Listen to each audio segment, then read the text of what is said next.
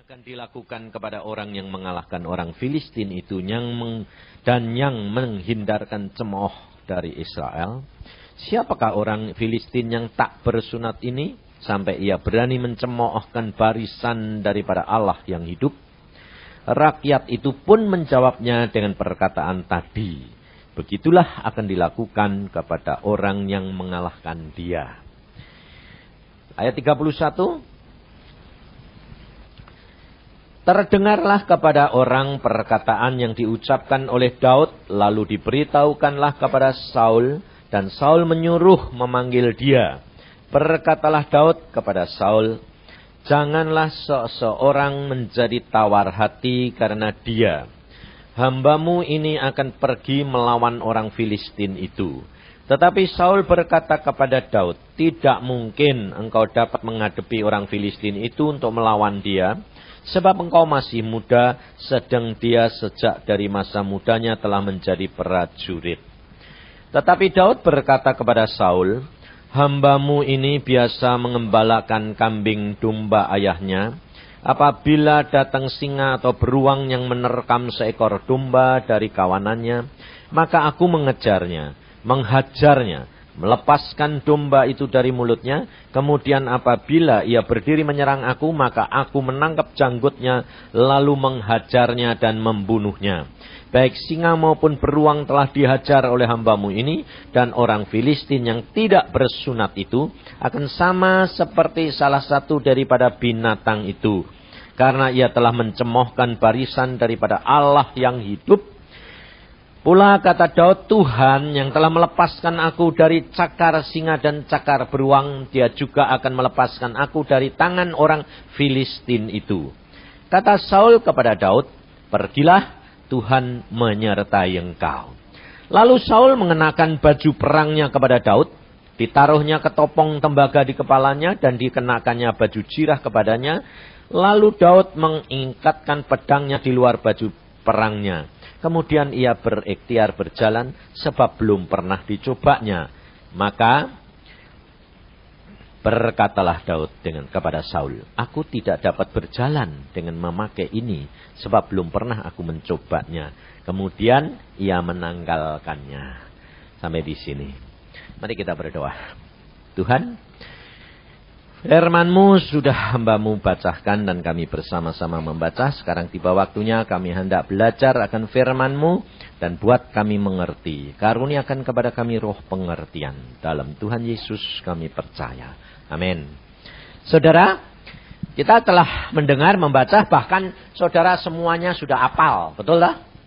Semua sudah ngerti toh cerita ini? Ngerti ya? Nah, saudara kita akan belajar firman Tuhan bahwa hidup kehidupan kekristenan itu tidak sekedar agama, saudara. Kehidupan kekristenan itu bukan sekedar cuma pergi gereja. Tetapi kehidupan kekristenan itu adalah pengalaman pribadi hari demi hari bersama dengan Yesus.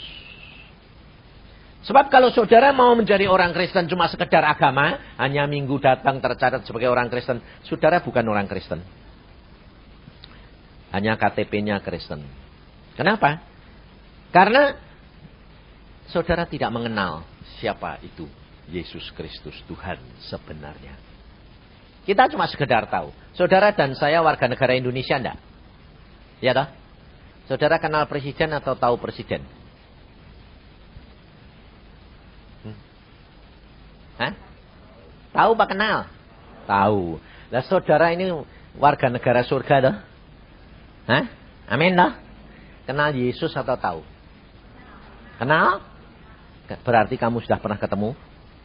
Nah, orang orang bilang kenal kok tidak tahu ketemu itu orang apa? Itu itu loh. Makanya saya tadi tanya saudara warga negara Indonesia, tahu presiden atau kenal? Tahu toh? Apa bedanya sama Yesus? Tahu itu namanya. Kalau saya, saya berani mengatakan kenal. Kenapa? Sebab saya ketemu, saya berbicara, bercakap-cakap. Sebab saya dipanggil oleh dia pribadi. Dari umur 12 saya dipanggil Tuhan, ditemuin Tuhan Yesus sendiri. Tuhan berkata, jadi hambaku. Saya bilang, saya tidak mau jadi orang Kristen. Karena orang Kristen itu munafik. Jujur. Betul lah. Namanya Kristen tapi masih nyuri, masih bohong. Ayo, jujur. Masih bohong dah. Jujur ini kenyataan. Saya lihat sendiri. Kalau di gereja, baik, alim, keluar dari gereja. Waduh, mulai penyakitnya kambuh. Saya bilang, saya tidak mau jadi orang Kristen. Lalu Tuhan berkata apa? Jangan lihat orang lain. Masuk surga, tidak gandeng-gandengan. Betul? Hah? Masuk surga sendiri-sendiri pak gandeng-gandengan? Nah, tapi sendiri-sendiri dah. Tapi kenyataan kalau kamu pergi ke gereja, jadi orang Kristen kesinggung, berhenti enggak? Nah, kecewa toh. Nah, namanya itu mau ngikut orang Kristen mau masuk surga gandeng-gandengan tergantung orang lain. Saya dulu juga begitu. Lalu Tuhan Yesus berkata, jangan lihat orang lain masuk surga tidak gandeng-gandengan. Sendiri-sendiri, jalannya sempit. Lalu saya bilang, apa dapat apa jadi orang Kristen? Lalu Tuhan bilang, baca Alkitab. Pelajari, jangan lihat orang lain, alami. Kalau kamu tidak ngalami seluruh isi Alkitab dan janjinya Tuhan, jangan percaya dan jangan jadi orang Kristen. Rugi. Saya bilang, oke. Okay. Lalu saya sejak itu, saya baca Alkitab. Satu hari empat fatsal. Tapi setelah umur 30-an, saya baca satu hari 8 sampai 10 fatsal. Alkitab ini sudah saya baca 100 kali lebih. Tapi Tuhan berkata, baca terus. Jangan dikira kalau, ya Pak, karena Bapak pendeta ya nu, siapa bilang. Saya dari umur 12 pikir saya dia panggil jadi hamba Tuhan. Ternyata lulus SMA, saya mau sekolah teologi, diundang ke Amerika. Tuhan bilang, enggak. Loh, Loh ini ada panggilan teologi. Tuhan bilang, enggak, kamu enggak sekolah teologi. Nah terus, sekolah dokter. Loh, katanya jadi hambamu. Apa kalau jadi hambaku itu mesti jadi pendeta? Mesti sekolah pen, anu teologi? Enggak. Lalu saya sekolah dokter. Nah, karena saya itu sudah ngurus gara-gara mau ke Amerika ini sekolah teologi. Sampai per, fakultas kedokteran tutup semua. Yang buka cuma dokter gigi. Karena apa? Kurang laki-laki. Jadi saya keliling dari Surabaya, Jakarta, ke Jogja, ke mana-mana. Akhirnya saya darat di Jogja. Yang buka cuma Jogja. Loh, dokter gigi kok masih buka? Ya wis lah, wong Tuhan bilang, kamu jadi dokter. Eh dokter gigi ya dokter toh ya Lumayan lah aku meno. Pokoknya saya nurut, ya tahu dokter kewan ya podo sama aku meno. Jadi saya akhirnya masuk dokter gigi, saya lulus. Setelah praktek 15 tahun saya ke Irian Jaya, tugas di sana pada zaman Untea. Saudara tahu di sana saya setelah saya praktek 15 tahun, Tuhan berkata apa? Tutup praktek. Loh, aneh lagi. Aku bilang, kenapa Tuhan? Jadi penginjil. Loh, lah dulu mau jadi, loh, yang aku tidak boleh itu kamu sekolah pendetanya, sekolah teologi. Tidak usah, wong aku yang ngajari Alkitab. Saya Alkitab diajari Tuhan sendiri, saudara. Hari demi hari. Makanya saya bilang, kalau saudara jadi orang Kristen tidak pernah baca Alkitab, itu Kristen apa? Merek tok. Nanti masuk surga, ditanyai, kamu mau ketemu siapa? Ketemu Yesus. Sudah kenal. Ditolak kamu. Sepertinya saudara itu pergi ke istana. Mau ketemu presiden. Mau ketemu. Kenapa? Tahu di TV tidak bakal masuk, tidak. Makanya saya bilang, Tuhan Yesus di dalam Alkitab berkata apa? Banyak yang dipanggil, sedikit yang, lo pinter lo ngerti dah. Ngerti dah? Yang dipanggil banyak, sedikit yang, ngerti dah? Lah kok kamu ndak tanya yang dipilih itu yang bagaimana? Loh, lah kok ikut-ikutan cuma rombongan? Makanya saya bilang saudara, kalau kamu tidak membaca Alkitab, tak ngalami sendiri menjadi orang Kristen, kamu bakal rugi kamu. Karena apa? Mau berbuat ini takut, mau berbuat ini takut, tapi diam-diam diperbuat, betul? Ayo, orang Kristen gitu toh? Kalau kumpul-kumpul gini, alim. Kalau sudah di luar, modelnya dis sulap begitu rupa supaya tidak kelihatan kalau kamu pernah ke gereja. Saya ngalami sendiri soalnya. Waktu persekutuan pakai roknya panjang. Ndak ndak ndak ndak dandan dandan, rambutnya dipolosi kayak orang alim. Sore saya pergi ke pesta sama istri saya, orang yang nyapa saya saya kaget, ndak tahu lagi. Wong memang ndak kenal, baru persekutuan. Pak, halo, siapa kamu? Loh, saya tadi yang duduk di depan tadi loh, Pak. Lah kok modelnya kok berubah gini? Aku bilang gitu, loh ini kan pesta pak, tadi kan ke gereja. Jadi kalau ke gereja itu roke panjang, tidak takut banjir. Kalau pesta, takut banjir, mini. Lalu kalau di gereja tidak kepanasan, kalau pesta kepanasan. You can see. Lah kemudian lo kok berubah semua? Saya bilang, Loh, ya beda toh Pak, suasananya beda kok. Loh. Saudara, kehidupan kekristenan itu Tuhan berkata apa? Yang kamu sembunyikan di kamar akan diteriakkan di atas sotoh rumah. Tidak ada sesuatu yang perlu engkau rahasiakan. Tetapi alami secara nyata. Daud, coba saudara. Pada waktu Saul dengan memimpin, raja ini memimpin bangsa Israel perang. Saudara baca Alkitab, 40 hari cuma tantang-tantangan. Bayangin, memelihara ngasih makan tentara segitu banyaknya 40 hari itu pagi sampai sore tantang-tantangan. Tidak ada yang berani maju, tidak jadi besok lagi. Bayangin. Hari ke-40 baru ada satu anak muda Daud umurnya 17 masih kemerah-merahan kalau saudara baca Daud itu laki-laki tapi elok. Kira-kira Memper apa itu? Hmm. Muka epipine merah karena kepanasan. Tapi elok. Jadi kira-kira rodok setengah perempuan ya kelihatannya. Tapi saudara perhatikan, manusia melihat luar, tapi Allah melihat dalam hatinya.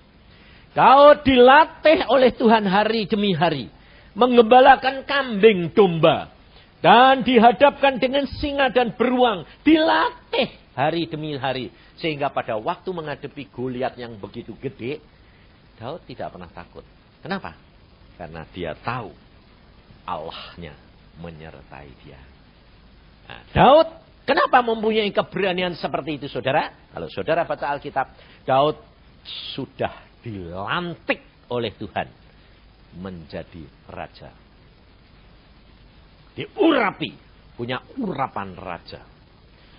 Dan zaman itu sebelum zaman Tuhan Yesus, orang yang diurapi raja itu dikuasai oleh Roh Al Kudus. Dan saudara dan saya ini zaman akhir. Tuhan Yesus pada waktu naik ke surga, Tuhan berkata, aku akan pergi ke surga untuk apa? Nah, menyediakan tempat Gak cuma itu. Nyediain tempat tuh. Nanti dek mati kue. Tapi yang penting itu Tuhan berkata. Aku akan utus roh kudus. Dan dia akan tinggal. Di dalam kamu. Dan Alkitab berkata di dalam kitab Yohanes. Pasal 14. Dia bilang apa? Dia akan tinggal di dalam kamu. Dan kamu akan mengenal dia. Bukan bukan sekedar tahu. Kenal. Tadi dia kenal tuh ngomong-ngomong enggak? Hah? Ngomong. Loh, lah sekarang kamu nih sudah jadi Kristen, sudah dibaptis. Roh Kudus tinggal di dalam diri kamu enggak? Ya? Ya. Dijak ngomong enggak sama kamu? Hah? Kamu dengar omongannya enggak? Lah ini yang saya bingungkan. Katanya Roh Kudus tinggal, tapi tidak pernah diajak ngomong. Kalau udah diajak ngomong mungkin pernah, tapi denger ndak. Lah itu yang repot. Iya dah. Lah ini saudara makanya itu saya katakan, saudara untuk menjadi Kristen itu saudara harus benar-benar kenali dia. Karena kalau kamu mengenal dia, kamu akan lihat seperti Daud. Orang Israel menghadapi tantangan 40 hari. Tidak ada yang berani maju. Raja Saul sendiri yang punya pahlawan-pahlawan tidak ada satu yang berani maju. Karena melihat kenyataan Daud tingginya begitu. Tapi Daud anak muda. Dia datang, siapa itu? Kok berani menghina Allahnya orang Israel? Karena dia ada urapan Allah. Ada roh al kudus. Ada Allah roh al kudus. Dia tidak akan menghadap kegentaran menghadapi manusia. Sepangkat, segede apa pun, bersenjata apa pun. Dia tidak takut. Kenapa? Karena dia Allah yang maha kuasa. Maka dari itu saudara, di dalam situasi moneter kayak gini, saudara pegawai, saudara pengusaha, melintas enggak? Pernah khawatir, takut? Ada enggak? Hmm. Ada. Nah itu enggak benar. Enggak benar saudara. Kenapa? Apa yang kamu takuti kalau kamu bersama dengan Allah? Harusnya tidak ada takut. Kenapa? Ah, segede apa? Ribut kayak apa? Tidak akan melanda engkau tanpa seizin daripada Tuhan Yesus Kristus. Dan roh kudus yang ada di dalam diri kita akan memberikan jalan keluar. Karena Yesus itu jalan kebenaran dan hidup. Tidak ada masalah yang tidak dapat diatasi. Nah ini masalahnya saudara. Karena saudara tidak kenal. Saya kenal. Makanya saya tidak pernah takut. Jadi ada apa ini? Ah, saya bilang biasa. Alkitab sudah berkata nanti akhir zaman perang, bunuh membunuh. Sekarang tidak ada pencuri, ada nih rampok. Sekarang tidak ada jarang orang minta-minta, ada nih nodong, ya dah. Itu Alkitab sudah ngomong semua. Jadi yang kamu takuti apa? Saya nggak pernah takut. Kenapa? saya. Dua kali mau dipotong kepala saya. Tapi saya tidak pernah gentar. Istri saya sedang ngandung tujuh bulan. Anak pertama. Zaman 65, G30S. Saya didatangi empat pemuda. Pak mau mati di mana? Karena jam 11 malam hari ini Bapak harus saya bunuh. Saya tidak bilang, apa? Tidak takut. Saya bilang, kok enak Mati itu gampang, masuk surga yang susah. Akhirnya saya ceritain malah orang yang nangis, malah orang yang bela saya, yang nyuruh dipukuli. Di dalam Yesus, kutub bisa diubah jadi berkat lu, pinter lu, ngerti lu ya. Makanya saudara, saudara itu harus alami secara nyata hari demi hari. Kayak Daud, latihannya sama Singa sama beruang. Jadi ketemu orang pun tidak takut Daud. Dia bilang siapa itu? Lah, lucunya engkau perhatikan. Anehnya di sini ke saudara lihat. Raja yang memimpin perang dan jago perang. Lihat anak muda, merah kemerah-merahan. Gembala kambing. Loh, dikasih tahu sama Daud. Raja, jangan ada yang takut tak lawani aku. Kok percaya? Ya sinting Coba, coba, coba renungin. Benar enggak? Coba saudara bos gede lalu ada anak belum pernah kerja. Lalu bilang, oh tidak usah khawatir. Tak, itu yang nganu. Ah, ya dah. Gila enggak? Gila dah. Saudara tidak pernah merenungi. Makanya kalau baca Alkitab itu direnungin. Dibayangin yang sungguh-sungguh gitu loh. Makanya pada waktu Saul, ini anak kok kok nyalinya kok gede amat. Ya sudah, ya sudah. No. Ya sudah, ya sudah. Saudara tahu. Ini kalau dia bilang ya sudah, berarti itu mempertaruhkan keselamatan seluruh bangsa Israel. Sebab kalau kalah sama Goliat, maka semua tentaranya dan rakyatnya musnah. Bayangin, dia sendiri sama kerajaannya hilang. Dipertaruhkan di atas pundak seorang muda umur 17 tahun. Tidak punya pengalaman perang. Megang pedang saya tidak pernah. Coba logikanya gimana? Kalau itu bukan roh al kudus, Allah sendiri. Tidak mungkin orang itu bisa percaya. Apalagi raja. Betul? Maka dari itu saudara, Saudara ini tidak usah takut. Saudara di Indonesia ini kecil. Ya toh? Tidak usah takut. Bahaya apa pun Tidak masalah. Di hadapan Tuhan itu sebab kalau kamu ada kuasa orang yang berhadapan kamu dia bukan berhadapan dengan kamu tapi berhadapan dengan Allah Roh Allah Kudus. Jadi tidak usah khawatir saudara. Saya pernah ngalami naik skuter. Saya belum punya mobil pada waktu itu jadi dokter baru pindah dari Irian naik skuter. Nabrak jeepnya letnan provos. Saya ngelihat teman saya di belakang. Ini saya lihat ini sepi ya toh. Lihat ini. Eh tahu-tahu duduk loh kok ada jeep. Jeepnya motong jalan. Jadi jalur hijau dipotong karena dia provos gitu loh. Ada tabrak toh. Jeblok, waduh tabrak. Bareng keluar. Mana SIM? Digituin saudara. Letnan. Oh. Itu tahun berapa itu? Nah, saya saya bilang, kenapa? Saya bilang, Anda nabrak jeep saya. Loh, yang salah saya, saya apa Anda? Saya bilang. Kenapa Anda tabrak? Lah, kenapa Anda melanggar? Kayak itu polisi provos lalu lintas nabrak anu melanggar anu aturan lagi. Ayo pergi ke markas. Wah. Dia mau pikirnya saya mau diajar. Saya bilang ke markas ke markas. Tidak ada masalah. Apa kamu kira aku takut? Kamu letnan. Baru letnan aja kok galak saya bilang. Tak gituin saudara. Tak usah galak-galak, kamu harusnya melindungi rakyat tapi jangan malah menakut-nakuti rakyat. Saya bilang. Terus saya dibawa ke markas loh. Markas, dibawa masuk, saya masuk saja santai. Sampai sana menghadap portir, undang, saya bilang, mana komandanmu? Gak usah sama komandan. Saya mau ketemu komandan. Saya bilang, takut dia. Itu masuk mayor. Eh, Pak Mayor, saya bilang. Letnan itu perlu buat ajar itu. Polisi lalu lintas provos lagi kok melanggar peraturan jalur hijau dilanggar lagi. Tata tabrak skuterku peotif.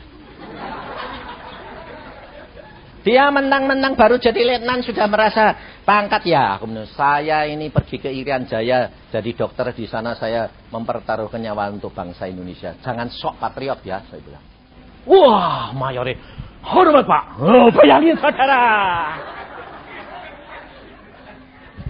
Dibalik sama Tuhan, mayore komendani malah hormat Pak. Terus, panggil letnan ini. Panggil dimaki-maki di depan saya. Ayo minta maaf. Saya bilang, kamu ini harusnya melindungi rakyat dong. Jangan malah nakut-nakuti rakyat. Saya bilang, melanggar peraturan lagi. Bilang. Untung saya yang nabrak. Ada orang lain yang nabrak apalagi kalau Cina. Bawa peres dah aku minum. Kamu ini apa-apaan. Ya pak maaf pak maaf pak. Oh, kan jangan sok dong kamu. Udah sana saya bilang. Saudara, ini makanya saudara saya itu ngalami semua saudara. Ngalami saudara. Kalau ada urapan Allah ada Tuhan Roh Kudus, saudara tidak perlu takut. Masalah boleh, susah. Tapi anak Tuhan harus mengatasi. Tidak ada masalah. Makanya saya nurut Tuhan. Suruh berhenti-berhenti. Suruh praktek-praktek. Suruh nginjil-nginjil. Tetap saya dipeliharakan oleh Tuhan. Ngerti? Daud pada waktu itu.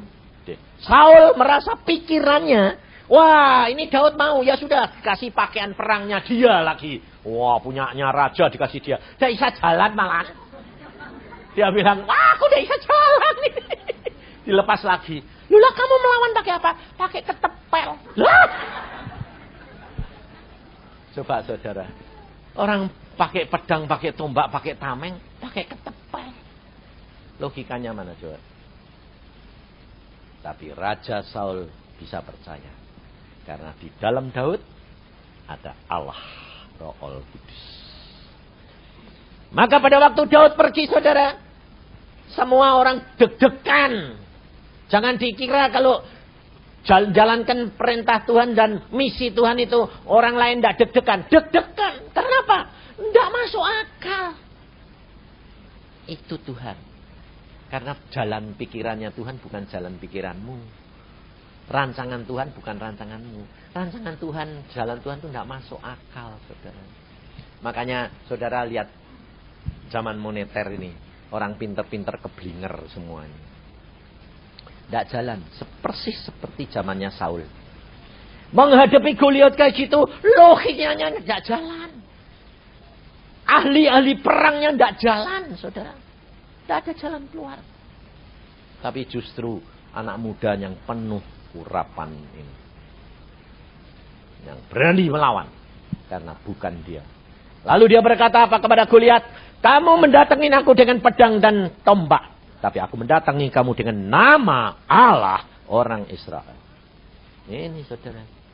Nah, saudara datangi menghadapi dunia zaman ini dengan nama siapa? Yesus. Tapi jangan dipakai mantra. Sedikit-sedikit dalam nama Yesus. Ngawur. Jangan dipakai mantra. Kamu harus kenal dulu roh kudus. Lalu bertanya, apa yang aku harus lakukan Tuhan? Jalankan sesuai dengan perintah Tuhan. Pasti menang. Karena bukan kamu yang berperang. Tapi Tuhan. Jadi menghadapi masalah ekonomi, PHK. Jangan takut. Tidak ada masalah. Sepi.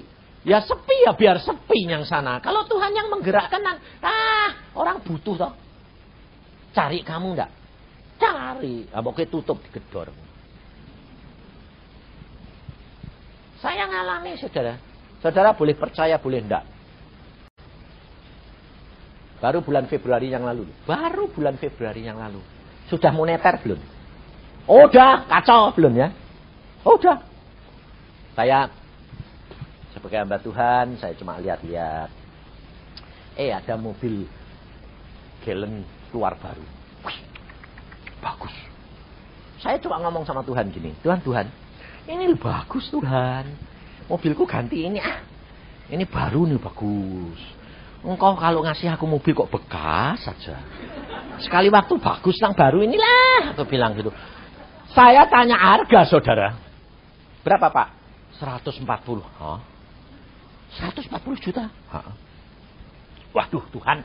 Aku sudah terlanjur ngomong kok mahal. Saudara tahu? Tuhan ngomong sama saya. Nanti saya beri. Eh, seminggu kemudian, cuma seminggu. Ya saya tidak langsung, terima kasih Tuhan, doa, haleluya, engkau dikai. Terus jangan nangen mana mobilnya gitu, ndak. Kalau gitu itu saudara berarti tidak percaya. Saya cuma, terima kasih Tuhan, waktunya engkau akan beri. Seminggu. Sore-sore saya ditelepon orang. Pak, saya mau ketemu Pak Yusa. Ya, saya. Ada apa sih Pak? Ya ada apa? Ada apa-apa. Baik, baik Pak, baik. Lah kok aku suruh ngirim uang sama kamu? Aku baru ini pulang dari bank ngirim uang kamu. Buat apa? Tidak tahu. Saya ini diperintah Tuhan ngirim duit kamu. Berapa? 400 juta. Hah? Kok banyak? Lah ya, itu untuk apa? Lalu Tuhan bilang sama saya, lah katanya kan mau beli mobil. Penak toh? Eh, penak enggak? Mau enggak? Mau. Duite. Ya toh? Tapi bayare susah, Pak. Bangun pagi sembayang, waduh ngantuk, Pak. Loh. Maka kalau saudara itu mengenal Tuhan secara pribadi, saudara tidak usah bergumul. Minta apa-apa sama Tuhan itu. Coba contohnya anakmu, anakmu. Ada anakmu yang yang, yang engkau sayangi, yang bergaul karib sama kamu. Kalau mau minta jajan atau minta uang sekolah itu ngerengek-ngerengek. Mamah yang baik, papa yang baik, kasih dong duit. Kalau mau adanya gitu, tidak ada. Bilang apa? Mama, mama, duit mah bayar sekolah, betul? Nah, aku ya gitu. Tuhan, Tuhan, ini lo mobil api, ini beli buat aku dong. Tapi kalau saudara, mas bayang ngotot, orangnya ngerengek, tidak dikasih. Karena apa saudara? Karena saudara tidak kenal dia secara pribadi. Kenapa tidak kenal? Lah baca Alkitabnya belum selesai-selesai. Betul dah? Baca dong saudara. Baca dalami, kenali dia, dekat dia, rindukan dia, alami secara nyata dengan dia. Itu hari demi hari, saudara. Dan pada saat nanti menghadapi masalah, saudara tidak usah bergumul. Lihat seperti Daud. Dia sudah dilatih. Menghadapi orang begitu. Dia bilang, oh udah kapan. Eh malah ngambil ketepel. Loh bayangin. Logikanya di mana? Saya ini dokter. Saya dulu praktikum. Saya belah kepala orang.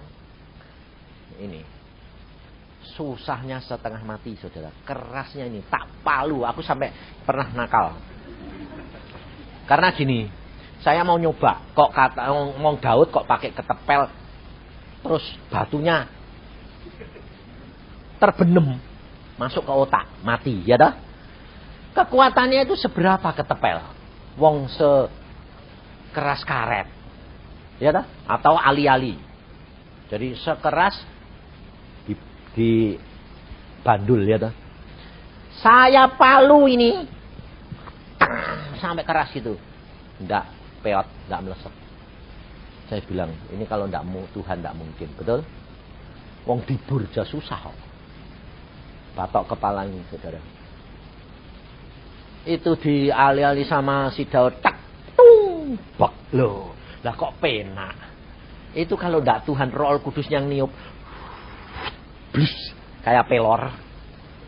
Loh, logikanya mana? Ini loh saudara. Hidup kekristenan saudara. Saudara jangan pakai akal lagi hikmat dunia seperti Saul. Jadi kalau perang mesti pakai pakaian perang, mesti pakai pedang. Tapi hidup kekristenan anak Tuhan menghadapi masalah dunia bukan pakai kekuatan. Ada ada nyanyian Bukan karena kuat dan gagah. Tapi karena firman Tuhan. Karena rohmu. Roh Al Kudus. Maka segala perkara dapat dikalahkan. Oke? Okay? Ini hidup kekristenan, saudara. Jadi bukan teori. Saya mengajar anak-anak semua, saya bilang, alami dari kecil. Berjalan bersama dengan Tuhan. Hari demi hari. Caranya bagaimana? Bangun tidur, ngomong sama Tuhan. Mau tidur ngomong, baca Alkitab, mau sekolah ngomong, mau ujian ngomong, semua nanti diatur Tuhan. Sampai dia sekarang tiga-tiga sudah menikah semua. Sekolah ke Belanda, lulus jadi arsitek, master. Tuhan berkata, tak usah kerja, jadi penginjil. Loh. Bapak suruh sekolah tujuh tahun ngapain Tuhan? Iya, supaya kamu jadi master. Lah sekarang jadi penginjil. Iya. Kayak bapakmu. Loh, dokternya dicopot, kamu ya copot. Ya sudah, dia jadi penginjil sekarang. Sudah tahu? Suaminya tetap suruh kerja, tapi istrinya suruh jadi penginjil. Tapi sebaliknya anaknya yang kecil, anak saya yang kecil, yang kedua jadi penginjil juga. Laki, yang ketiga kecil. Tuhan benar, kamu pengusaha. Oke, dia usaha. Pada waktu usaha pertama kali saudara, wah jatuh bangun untung 100 juta, amblas 100 juta. Habis 300 juta, akhirnya karena dia kecepatan kepingin cepat kaya, anak muda, sudah istri sudah ada, anak sudah ada, jadi kepingin cepat kaya. Tuhan bilang, kamu tidak boleh, tidak boleh cepat, cepat, cepat, sabar. Semua Tuhan yang menetapkan. Akhirnya dia bertobat, sudah habis 300 juta, ludes-des, Terus dia bilang, nah ini piye pak? Ya sekarang duduk diem dong. Tanya sama Tuhan, maunya Tuhan itu apa? Tiga tahun suruh duduk diem. Tidak dikasih uang satu sen. Lalu Tuhan berkata pada saya, kamu pelihara anakmu. Ya, saya bilang, nak, kamu, aku yang pelihara. Kamu duduk diam, banyak berdoa, dan diproses dididik Tuhan sampai selesai. Tiga tahun baru selesai. Bulan Desember yang lalu Tuhan bilang, selesai, lulus. Sekarang aku mau berkati kamu. Saudara tahu, zaman moneter, susah semuanya. Tuhan bilang, aku mau berkati kamu. Loh Tuhan, pakai apa modal tidak punya? Apa-apa tidak punya, sudah habis semua. Mau berkati apa? Loh, kamu perang tuh tidak usah mesti pakai pedang, pakai pakaian perang, pakai rohku. Oh ya, ya, ya, ya, ya. Saudara tahu? Lalu ada orang bilang, Pak, saya punya tanah tiga hektar setengah. Kamu beli dong. Sebab papa mau sebelum meninggal, dia pesan harus kamu yang beli. Lucu saudara. Harganya di luar sudah 60-70 juta, 70 ribu per meter. Dia suruh beli cuma 35. Dipaksa lagi suruh beli. Sampai dia bilang, aku tidak punya duit. Ya tidak peduli. Pokoknya bagaimanapun harus kamu yang beli. 1,3 miliar. Tidak punya duit. Suruh nutup 1,3 miliar. Terus dia doa. Tuhan, Tuhan ini kok aneh. Lah aku yang merintah. Tuhan bilang. Oh jadi engkau ya. Lah terus bagaimana Tuhan? Ya fotokopi ini saja bawa. Jadi dia bawa fotokopi sertifikat tanah ini. Lalu nemuin teman-temannya eh aku punya tanah di sana. Bagus. Sudah ada IMB. Mau ndak kamu beli? Di sana sudah 300 loh. Tak jual cuma 100. Tapi dengan syarat. Tanpa surat, tanpa apa. Bayar dulu 200 juta. 1000 meter eh 2000 dan 200 juta. Saudara tahu? Hanya bekal fotokopi mana zaman sekarang ada orang yang tidak kenal lagi. Bukan orang Kristen. Percaya sama dia.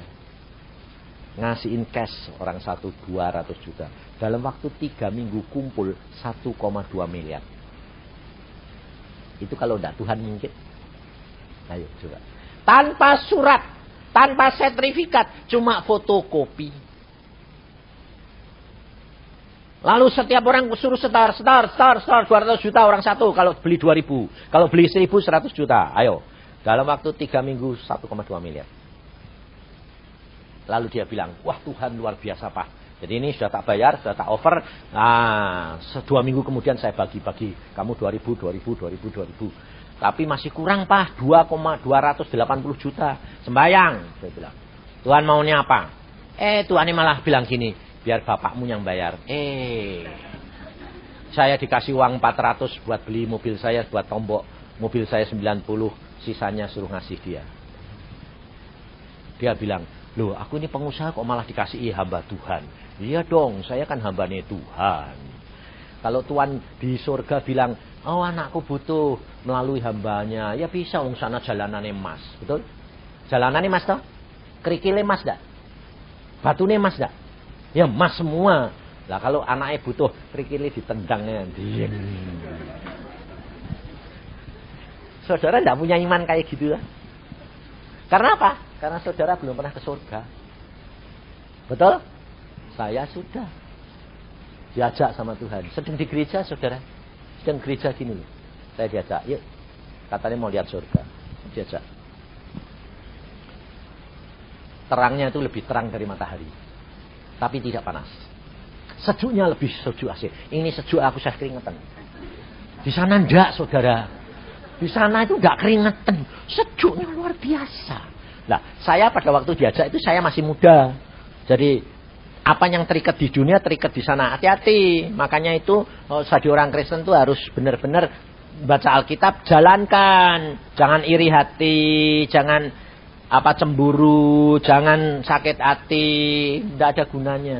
Nah, pada waktu di dunia saya itu pernah oh, dengar orang-orang bilang, malaikat tuh cantik-cantik. Jadi pada waktu saya dibawa Tuhan ke sana, pikiran saya masih cabul.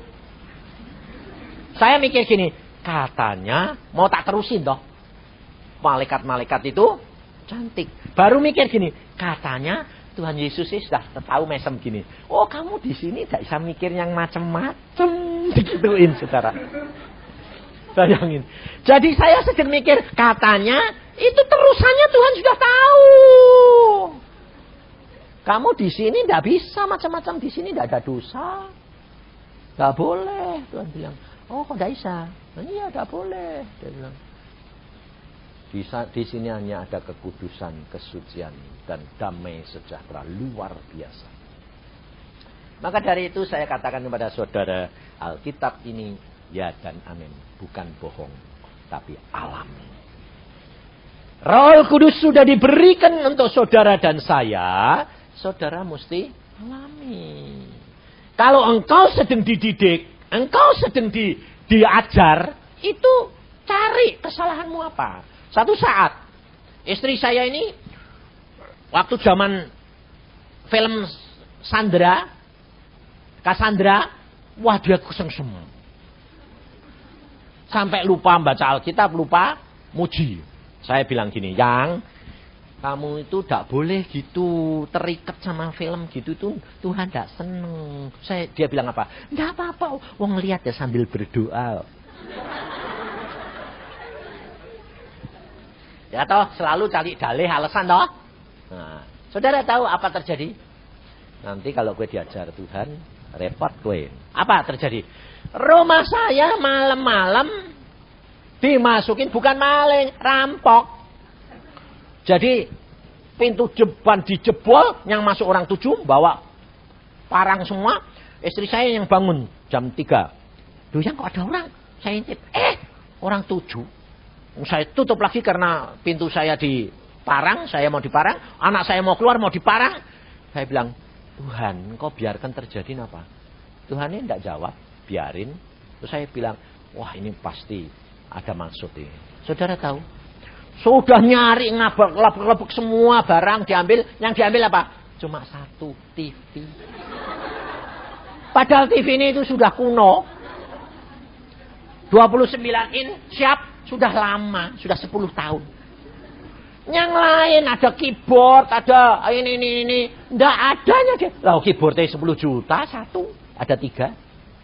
Wong di tempat saya itu bawahnya ada persekutuan, ada mixer, ada segala macam, ada gitar listrik. Ndak ada yang dibawa. Dikumpulin di tengah ruangan, tapi tidak ada yang dibawa.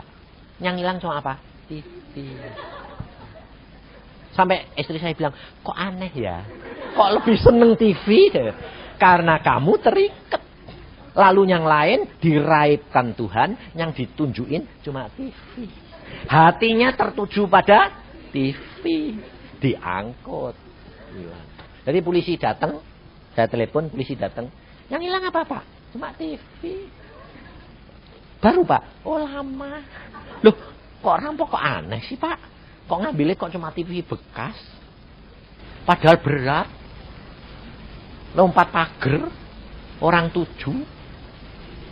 Ngambil TV bekas.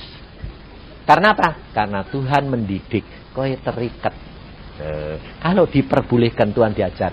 Pasti kamu terikat. Pasti kamu utang perpuluhan tidak bayar. Nah itu saudara. Pendidikan Tuhan itu harusnya supaya saudara melekat kepada Tuhan. Ini hidup kekristenan. Maka saya katakan kekristenan bukan teori, bukan agama, tapi mengenal, mengalami sendiri secara pribadi dengan Yesus. Amin. Mari kita berdoa. Tuhan Yesus, firmanmu sudah hamba sampaikan. Dan biarlah anak-anakmu di tempat ini mulai mau membaca firmanmu Mau mengeluangkan waktu untuk berdoa minta pimpinan Roh Kudus. Mau mengajak berbicara Roh Kudus menganggap kehadirannya. Dia membutuhkan kehadiran dia. Membutuhkan pimpinan dia. Sehingga apa pun yang terjadi dalam hidupnya. Engkau didik mereka menuju kepada kesempurnaan. Terima kasih Tuhan akan kasih sayang dan setiamu. Engkau tuntun anak-anakmu ini. Karuniakan roh pengertian. Karuniakan roh kepekaan. Karuniakan roh penurutan dan rendah hati. Supaya mau belajar senantiasa. Bahwa bersama dengan Yesus. Tidak menggunakan hikmat dunia. Tetapi percaya bahwa Yesus dapat lakukan segala perkara. Engkau tuntun anak-anakmu menuju kepada kesempurnaan. Dalam nama Tuhan Yesus kami mengucap syukur dan percaya. Amin.